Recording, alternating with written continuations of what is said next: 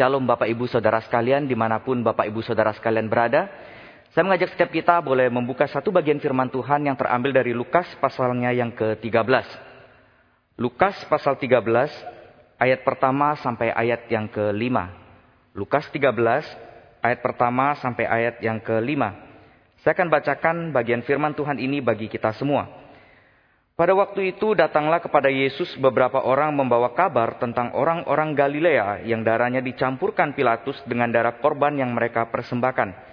Yesus menjawab mereka, sangkamu orang-orang Galilea ini lebih besar dosanya daripada dosa semua orang Galilea yang lain, karena mereka mengalami nasib itu?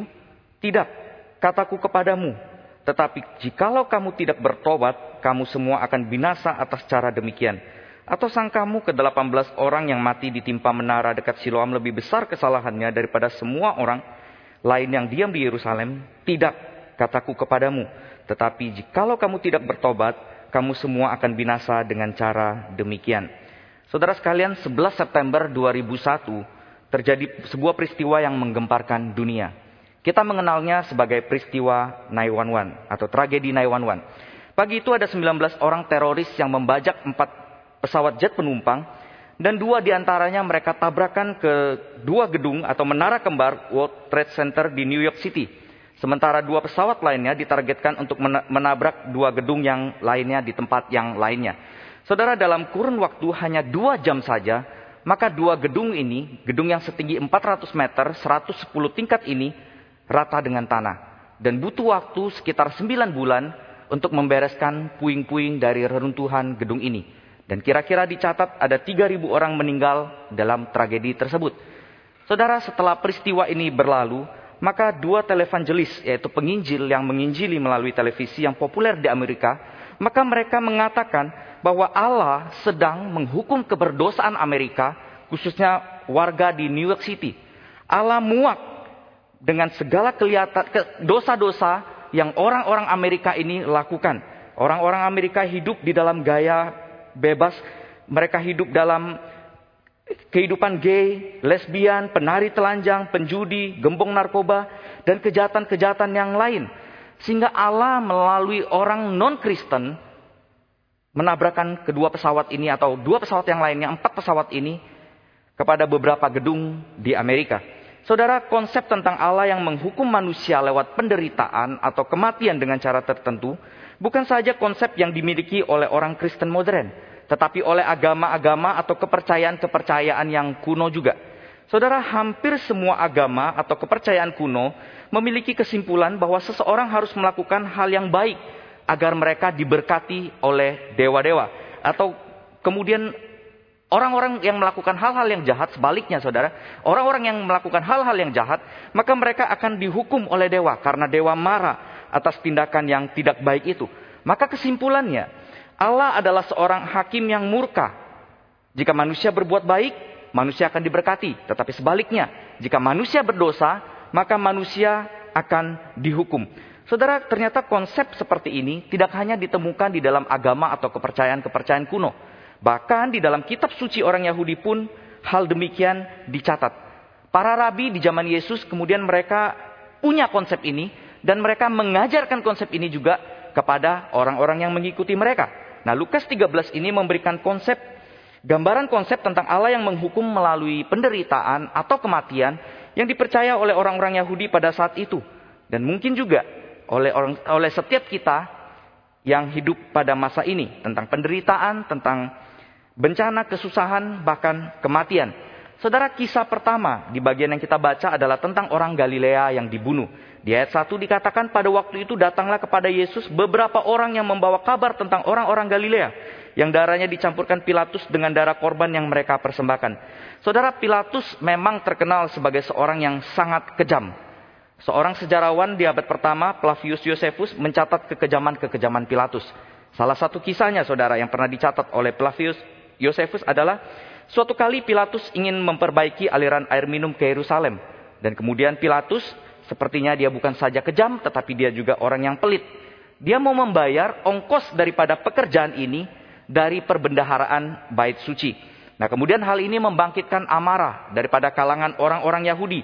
Dan kemudian ketika orang-orang Yahudi itu protes, maka Pilatus memerintahkan serdadu-serdadunya untuk mengepung orang-orang Yahudi ini dan kemudian menyembunyikan tongkat di balik jubah mereka. Dan ketika orang-orang Yahudi ini lengah dan juga ketika orang Yahudi ini tidak membawa senjata, maka serdadu-serdadu ini mulai memukul, melukai dan kemudian membunuh orang-orang Yahudi itu sehingga kerusuhan berhenti. Saudara kisah di dalam Lukas pasal 13 ayat 1 ini tidak diceritakan secara mendetail. Di bagian Alkitab yang lain kita juga tidak dapat menemukan kisah seperti ini. Tetapi saya setuju dengan sebuah pendapat yang mengatakan bahwa pada waktu itu orang Galilea memang tahu Pilatus orang yang kejam. Tetapi mereka tidak mau justru karena mereka ketakutan mereka akhirnya menghalangi mereka untuk menjauhi Yerusalem. Karena mereka menyadari Yerusalem sesuai dengan Taurat adalah tempat di mana mereka harus pergi untuk mempersembahkan korban kepada Tuhan. Nah, suatu waktu ketika orang-orang Galilea ini datang kepada ke rumah Tuhan untuk mempersembahkan korban persembahan kepada Tuhan, maka terjadilah uh, kerusuhan politik di Yerusalem. Kemungkinan besar pada hari itu adalah hari raya Paskah. Nah, Saudara, kemudian Pilatus mengambil sebuah tindakan untuk menghentikan kerusuhan itu. Walaupun sempat terjadi perlawanan dari orang-orang Galilea ini karena kemungkinan juga orang-orang Galilea ini membawa senjata untuk melindungi diri mereka. Tetapi karena mereka kalah kuat dan mereka akhirnya dibunuh oleh serdadu Pilatus. Mereka dibunuh di bait suci atau bahkan mungkin sekali di dalam bait suci. Sehingga Alkitab mencatat darah mereka bercampur dengan darah hewan yang mereka persembahkan. Saudara, orang-orang yang datang kepada Yesus ini beranggapan bahwa memang di satu sisi Paulus kejam, Paulus berbuat tidak adil dengan membunuh orang-orang Galilea ini. Tetapi di sisi lain, mereka berpikir bahwa orang Galilea ini pasti adalah orang yang jahat juga. Karena kalau tidak, Tuhan tidak akan membiarkan Pilatus dengan serta-merta membunuh mereka ketika mereka datang dengan maksud baik untuk beribadah. Jadi memang di satu sisi Paulus adalah orang yang kejam. Tetapi di sisi lain, orang-orang Galilea ini adalah orang-orang yang kelihatannya baik, membungkus diri mereka dengan tindakan agama, tetapi sebenarnya di dalam hati mereka, mereka adalah orang yang jahat. Itu pikiran daripada orang-orang banyak yang datang kepada Yesus dengan cerita ini. Nah, saudara, kemudian kisah kedua adalah orang yang ditimpa menara di dekat Siloam. Nah, kisah ini juga tidak diceritakan secara detail, juga tidak tercatat di Alkitab bagian yang lain. Tetapi kisah ini disinggung dengan sengaja oleh Yesus, seakan-akan ingin memperkuat konsep daripada orang banyak ini tentang penderitaan atau kematian sebagai akibat langsung daripada dosa. Saudara kemungkinan menara ini berada di berdampingan dengan kolam Siloam yang, yang sering kita kenal sebagai kolam Bethesda. Menara ini terletak di serambi-serambi di dekat kolam dan di situlah orang-orang sakit yang berbaring kemudian mereka menunggu menantikan goncangan daripada air itu dan untuk mendapatkan kesembuhan. Nah orang-orang yang terbunuh itu adalah sebagian dari mereka. Tetapi sebagian lain adalah orang-orang yang datang ke bait suci membersihkan diri sebelum mereka beribadah ke dalam bait Allah. Sebab kolam itu memang berada di dekat bait Allah. Nah pendapat lain mengatakan bahwa orang-orang yang tertimpa oleh menara ini adalah pekerja-pekerja yang sedang mengerjakan perbaikan dekat menara atas perintah Pilatus. Sehingga orang-orang yang banyak datang kepada Yesus ini bisa berpikir bahwa seolah-olah mereka bisa mengaitkan antara malapetaka yang menimpa pekerja-pekerja ini dengan maksud jahat daripada pekerjaan ini. Saudara, bagaimanapun spekulasi tentang kedua kisah ini, ataupun kesimpulan orang banyak tentang kedua kisah ini, kita dapat menemukan respon menarik dari Yesus. Yesus tidak mengaitkan antara apa yang terjadi atas orang-orang ini dengan dosa mereka. Tetapi sebaliknya, Yesus mengaitkan antara kemalangan-kemalangan orang ini dengan kemalangan yang akan diterima oleh orang banyak yang datang kepada Yesus ini jika mereka tidak bertobat. Saudara ayat 2 sampai ke 5 mengatakan, "Sang kamu orang Galilea ini lebih besar dosanya atau lebih buruk daripada semua orang Galilea yang lain karena mereka mengalami nasib itu?" Tuhan berkata, "Tidak, kataku kepadamu. Tetapi jikalau kamu tidak bertobat, kamu semua akan binasa atas cara demikian. Ayat keempat kelima. Atau sangkamu ke delapan belas orang yang tadi ditimpa oleh menara itu. Lebih besar kesalahannya atau lebih buruk daripada semua orang lain yang diam di Yerusalem. Jadi lebih besar lagi Yesus membandingkan uh, mereka gitu ya. Dan Yesus berkata, tidak kataku kepadamu. Tetapi jikalau kamu tidak bertobat, kamu semua akan binasa atas cara demikian.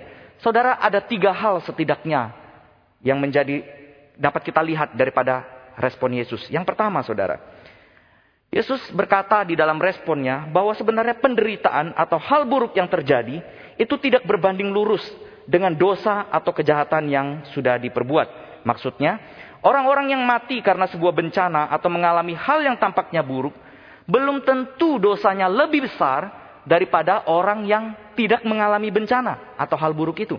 Saudara sekalipun setiap dosa memang ada konsekuensinya.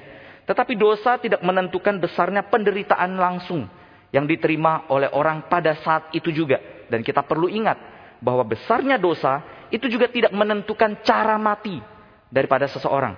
Yang kedua respon Yesus menunjukkan bahwa dosa itu sifatnya universal. Universalitas daripada dosa. Yesus menyampaikan bahwa semua orang tanpa terkecuali adalah orang berdosa. Kitab Roma mengatakan demikian. Semua orang tanpa terkecuali adalah orang berdosa. Mereka telah kehilangan kemuliaan Allah. Betul orang Galilea ini, orang yang mati ditimpa oleh menara ini adalah orang yang berdosa. Tetapi Yesus ingin menunjukkan bahwa orang yang sedang berbicara dengan dia pun adalah orang berdosa. Seolah-olah Yesus ingin berkata, kamu semua juga orang berdosa. Kamu semua adalah orang yang bersalah. Dan kamu semua akan binasa. Itu yang Yesus katakan kepada orang-orang yang datang kepada dia. Dan respon Yesus yang ketiga menunjukkan bahwa di balik penderitaan atau hal buruk yang terjadi, itu ada maksud Tuhan yang lebih besar. Saudara, ada banyak tujuan daripada penderitaan. Itu bisa membuat kita semakin berserah kepada Tuhan. Itu menjadi sebuah pembenaran iman bagi kita. Penghargaan, reward bagi kita. Atau revelation. Dan bisa juga mendatangkan pertobatan. Saudara sekalian, kalau kita lihat di dalam perjanjian lama, kisah Yusuf. Di dalam kisah Yusuf kita bisa menemukan bahwa hal-hal yang tampaknya buruk yang terjadi di dalam diri Yusuf, hidup Yusuf, tapi justru Allah mengatakan itu dia sedang mengerjakan kebaikan, yaitu untuk menyelamatkan bangsa yang besar ini, yaitu bangsa pilihannya, untuk memelihara hidup daripada satu bangsa, bangsa Israel. Di dalam perjanjian baru, Yohanes pasal yang ke-9, ada orang buta. Yang sejak lahir dia buta, mengalami kebutaan. Dan orang banyak datang kepada Yesus dan bertanya, dosa siapa ini? Dosa orang ini kah? Atau dosa orang tuanya? Dan Yesus menjawab, bukan keduanya. Tetapi ada maksud Allah. Yaitu supaya kemuliaan Allah dinyatakan melalui kebutaan orang ini. Dan di dalam bagian ini, Lukas pasal 13, Tuhan ingin mengarahkan, menunjukkan bahwa Maksud daripada penderitaan itu adalah pertobatan daripada orang yang masih hidup pada saat itu. Yang mendengar, yang melihat berita tentang penderitaan, berita tentang kematian. Saudara, maksud Yesus di dalam Lukas pasal 13 ini bukan saja perubahan konsep daripada orang banyak ini. Betul, setiap dosa ada konsekuensinya. Konsekuensi dosa bisa terjadi langsung maupun tidak langsung. Kematian dengan cara tertentu, bahkan dengan cara yang tragis, tidak serta-merta menandakan orang tersebut sangat berdosa atau dosanya besar sekali. Tetapi maksud lain daripada Yesus menyatakan penderitaan, kematian bahkan adalah supaya setiap orang berhenti untuk menghakimi dan mereka bertobat. Jadi maksud Yesus menyatakan cerita tambahan ini adalah supaya setiap orang yang mendengar, melihat, berita yang buruk, kematian sekalipun, supaya mereka berhenti untuk menghakimi dosa orang lain dan mereka sendiri perlu untuk bertobat. Saudara sampai di sini saya ingin mengatakan, pertobatan bukanlah sebuah momen sentimental yang terjadi dulu dan satu kali. Ketika saya menangis, ketika saya menyesali dosa-dosa saya, ketika saya membuka hati dan kemudian menerima Tuhan sebagai juru selamat saya pribadi. Pertobatan juga bukan terjadi satu minggu satu kali. Waktu hamba Tuhan maju ke depan, memimpin setiap umat untuk doa pengakuan dosa. Tetapi pertobatan adalah momen, tindakan setiap hari. Kita kembali kepada Tuhan. Pertobatan adalah sebuah tindakan setiap hari. Kita semakin dekat kepada Tuhan. Saya ulangi sekali lagi saudara. Pertobatan adalah tindakan kembali kepada Tuhan setiap hari. Pertobatan adalah tindakan semakin dekat kepada Tuhan setiap hari. Jadi saudara, sekalipun kita sudah percaya, sekalipun kita sudah bertobat, tetapi itu bukan momen dulu, bukan momen satu minggu satu kali. Kita perlu bertobat setiap hari. Setiap hari kita perlu kembali kepada Tuhan. Setiap hari kita perlu semakin dekat kepada Tuhan. Inilah yang Tuhan inginkan. Saudara, ada sebuah kisah tentang sepasang suami istri. Dick dan Elizabeth Peterson. Mereka berdua adalah pasangan yang sangat berbahagia dan menikmati hidup. Sampai suatu hari, Elizabeth didiagnosis multiple sclerosis, yaitu sebuah gangguan pada syaraf otak, mata, dan tulang belakang yang kemudian dapat menimbulkan gangguan pada penglihatan dan gerakan tubuh. Saudara, saat penyakit menyelinap masuk ke dalam tubuh istrinya, penyakit itu seolah-olah juga menyelinap masuk ke dalam kehidupan Dick. Dick menyaksikan bagaimana istrinya berpindah dari tongkat, kemudian ke alat bantu berjalan, kemudian ke kursi roda. Setiap langkah surut istrinya adalah langkah surut bagi Dick juga. Kemunduran hidup Dick secara dramatis terpengaruh oleh kebutuhan istrinya yang semakin meningkat. Mereka sadar, mereka tidak lagi memegang hidup, kendali hidup, dan mereka melihat bahwa hidup itu semakin hari semakin bergerak menuju kepada kehancuran. Saudara ditanya mereka berdoa enggak? Mereka berdoa. Gereja pun berdoa. Tetapi Allah seolah-olah tidak mengerjakan apa-apa. Tidak ada mujizat yang terjadi. Elizabeth getting worse. Hidupnya, kesehatannya semakin hari semakin buruk. Saudara sampai suatu hari Elizabeth berkata kepada suaminya, Apakah benar harus melalui cara ini? Allah mengajarku bahwa jiwaku lebih berharga daripada tubuhku. Elizabeth berkata kepada suaminya, apakah harus dengan cara ini Allah mengajarku bahwa jiwaku lebih berharga daripada tubuhku. Kemudian suaminya menimpali. Suaminya bertanya, apakah ini adalah harga yang mengajarku tentang belas kasihan? Saudara, lewat penderitaan yang dialami oleh Dick, dialami oleh Elizabeth, mereka mulai melihat melampaui penderitaan. Mereka mulai melihat Allah. Mereka mulai melihat rencana Allah mereka mulai melihat bahwa Allah sedang mengajar mereka sesuatu. Dan itulah yang terjadi saudara. Ketika mereka berdoa supaya terjadi perubahan di sisi luar. Tetapi justru Allah menunjukkan dia lebih peduli dengan perubahan yang terjadi di sisi dalam. Saudara ketika Elizabeth Dick berdoa untuk perubahan yang terjadi di sisi luar. Kesembuhan. Tetapi justru dikatakan Allah lebih peduli dengan perubahan yang terjadi di sisi dalam. Saudara, masa-masa sulit seperti ini membuat kita bertanya-tanya, mengapa semua bisa terjadi?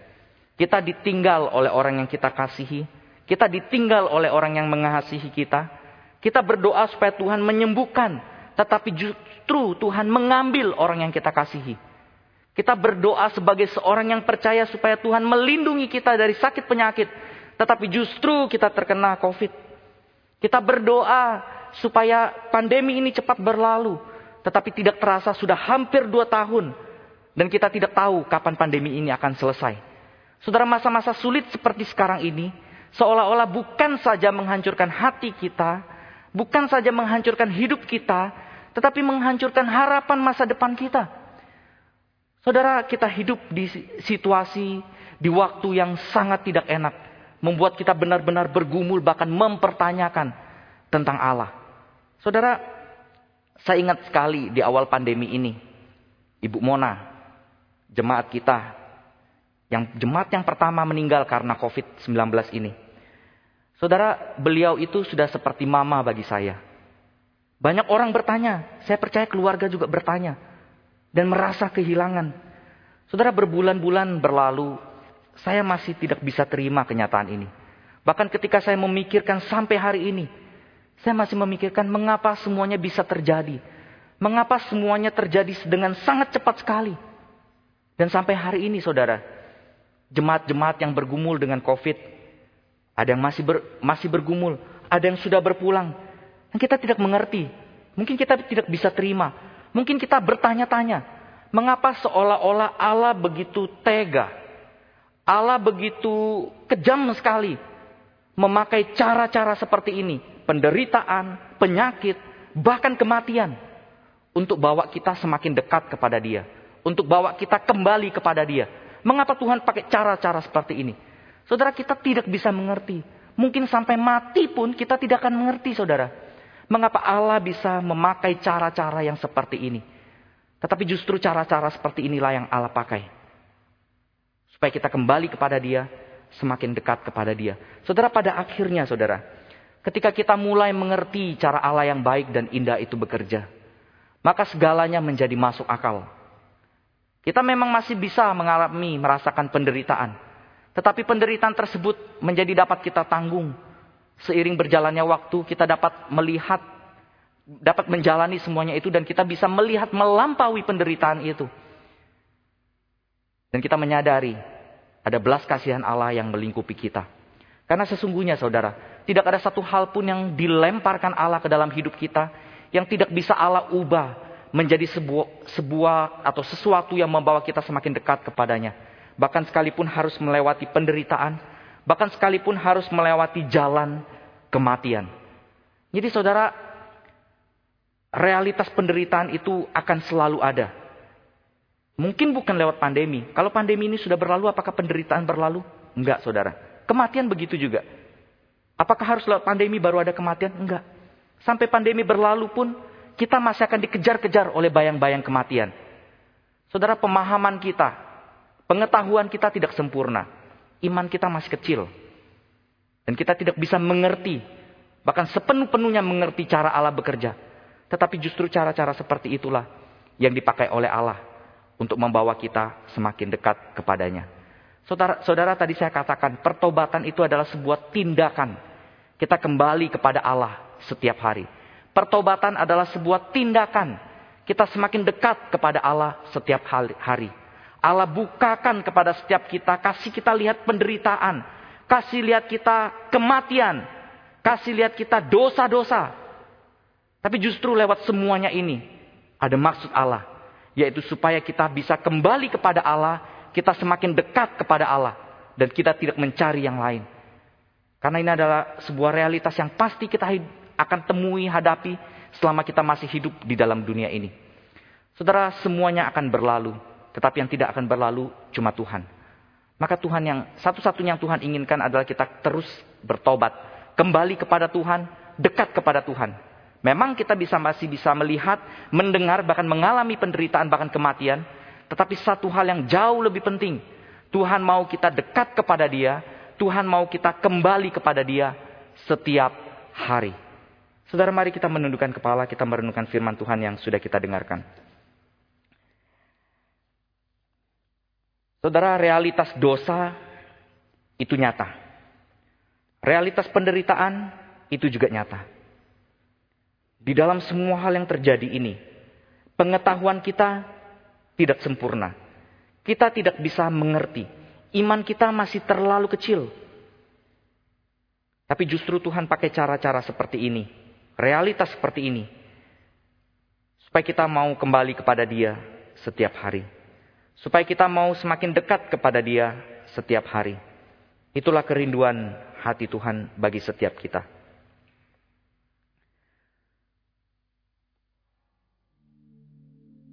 Tuhan dalam segala pergumulan kami, bukan saja kami melihat, mendengar, bahkan mungkin kami yang mengalami penderitaan, ditinggal oleh orang-orang yang kami kasihi, mengasihi kami.